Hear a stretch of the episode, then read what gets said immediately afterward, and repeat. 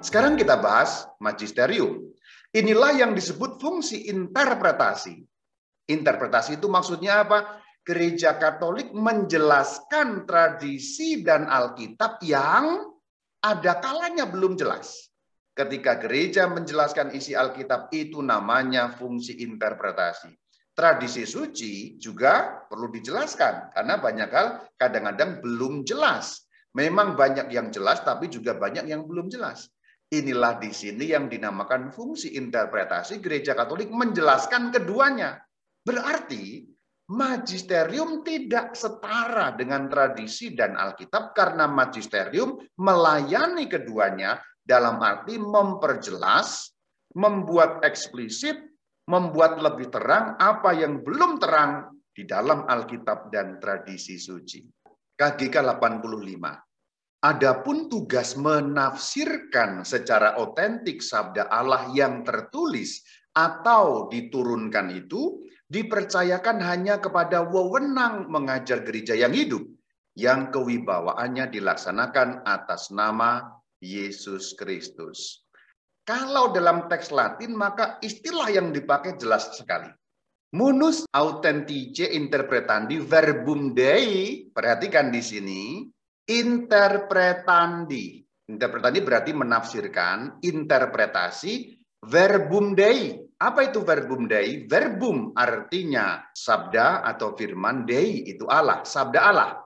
Nah, kalimat selanjutnya jelas sekali perhatikan, scriptum tertulis, Alkitab artinya vel atau traditum, traditio. Nah, jadi kalau kita membuka teks aslinya di dalam bahasa Latin sebenarnya jelas. Maka terjemahannya itu kalau kita mau terjemahkan harfiah sebenarnya harfiah lurus-lurus dapat dikatakan tugas menafsirkan sabda Allah dalam Alkitab atau tradisi. Nah gitu. Kemudian ada kata ecclesia magisterio. Inilah yang menjadi istilah teknis magisterium. Ecclesia magisterio wewenang mengajar gereja. Berarti apa yang ditafsirkan? Scriptum vel traditum.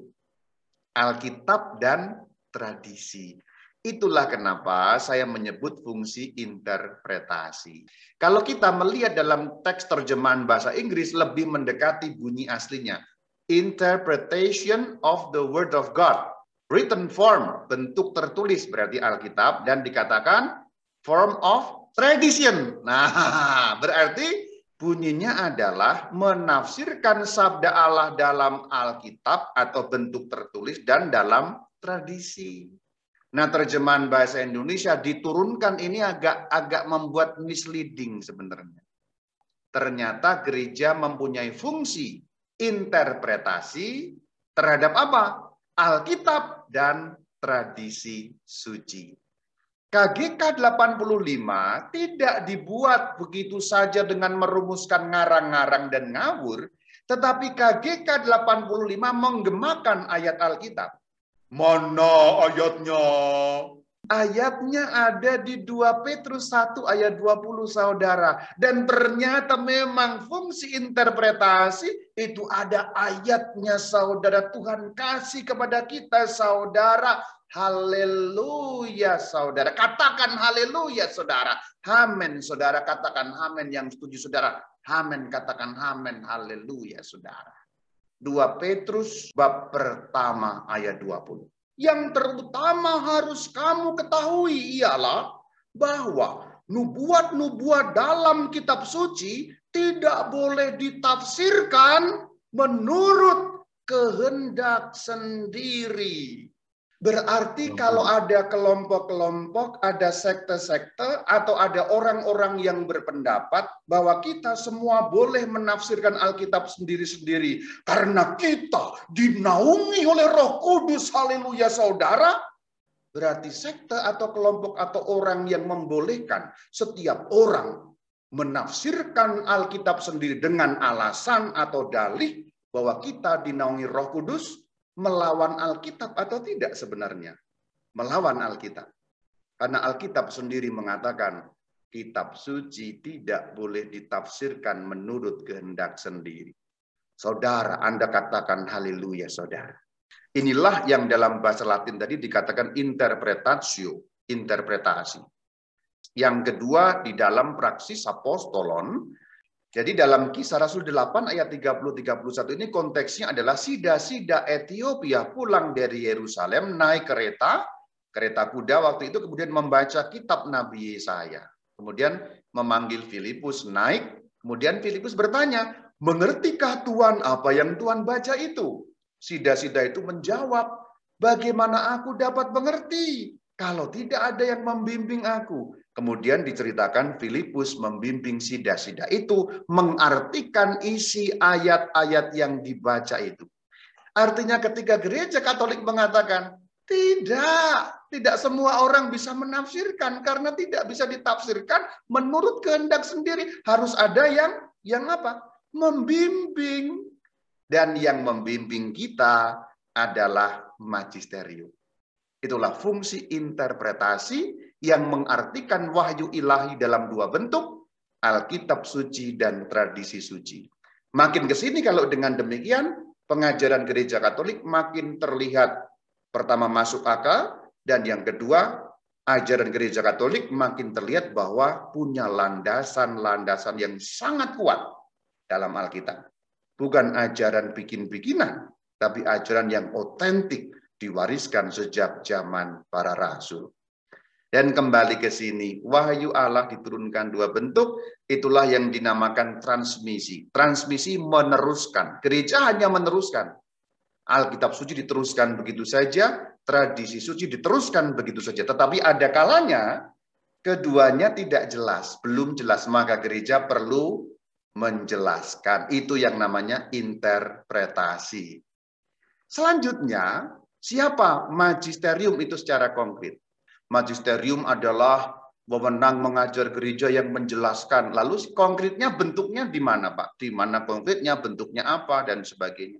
Mana, Pak? Siapa magisterium itu, Pak? Di mana kita mendapatkan pengajaran mengenai itu? Menurut Katekismus Gereja Katolik 85 dalam versi asli bahasa Latin dikatakan nempe episcopis in communione cum petri successore Romano episcopo. Terjemahan harafiahnya hanya dikatakan seperti ini. Kira-kira berbunyi nempe itu berarti tentulah tentulah uskup-uskup dalam persekutuan dengan penerus Petrus yaitu uskup Roma. Kemudian terjemahan bahasa Inggris membuat penerjemahan yang lebih panjang supaya jelas. Ini artinya tugas menafsirkan dipercayakan kepada uskup-uskup dalam persekutuan dengan pengganti Petrus yaitu uskup Roma. Sayangnya terjemahan di dalam bahasa Indonesia teks ini hilang. Padahal itu bagian penting yang menjelaskan siapa itu magisterium.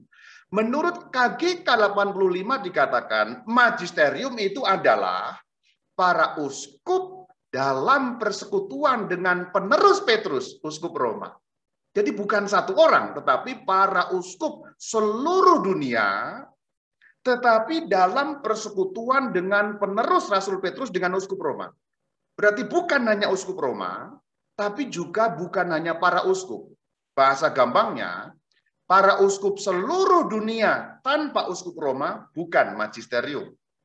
Uskup Roma tanpa para uskup seluruh dunia juga bukan magisterium. Jadi magisterium mengandung dua unsur yaitu uskup Roma sebagai penerus Petrus, pengganti Rasul Petrus, plus seluruh uskup sedunia. Itulah magisterium konkretnya. Bapak ya. Paus sendiri bukan magisterium, Uskup-uskup sendiri bukan magisterium, tetapi uskup-uskup dalam persekutuan dengan Bapak Paus, yaitu uskup Roma, yaitu penerus Petrus, itulah magisterium. Berarti interpretasi atau menjelaskan Alkitab tidak pernah dipercayakan hanya kepada orang per orang,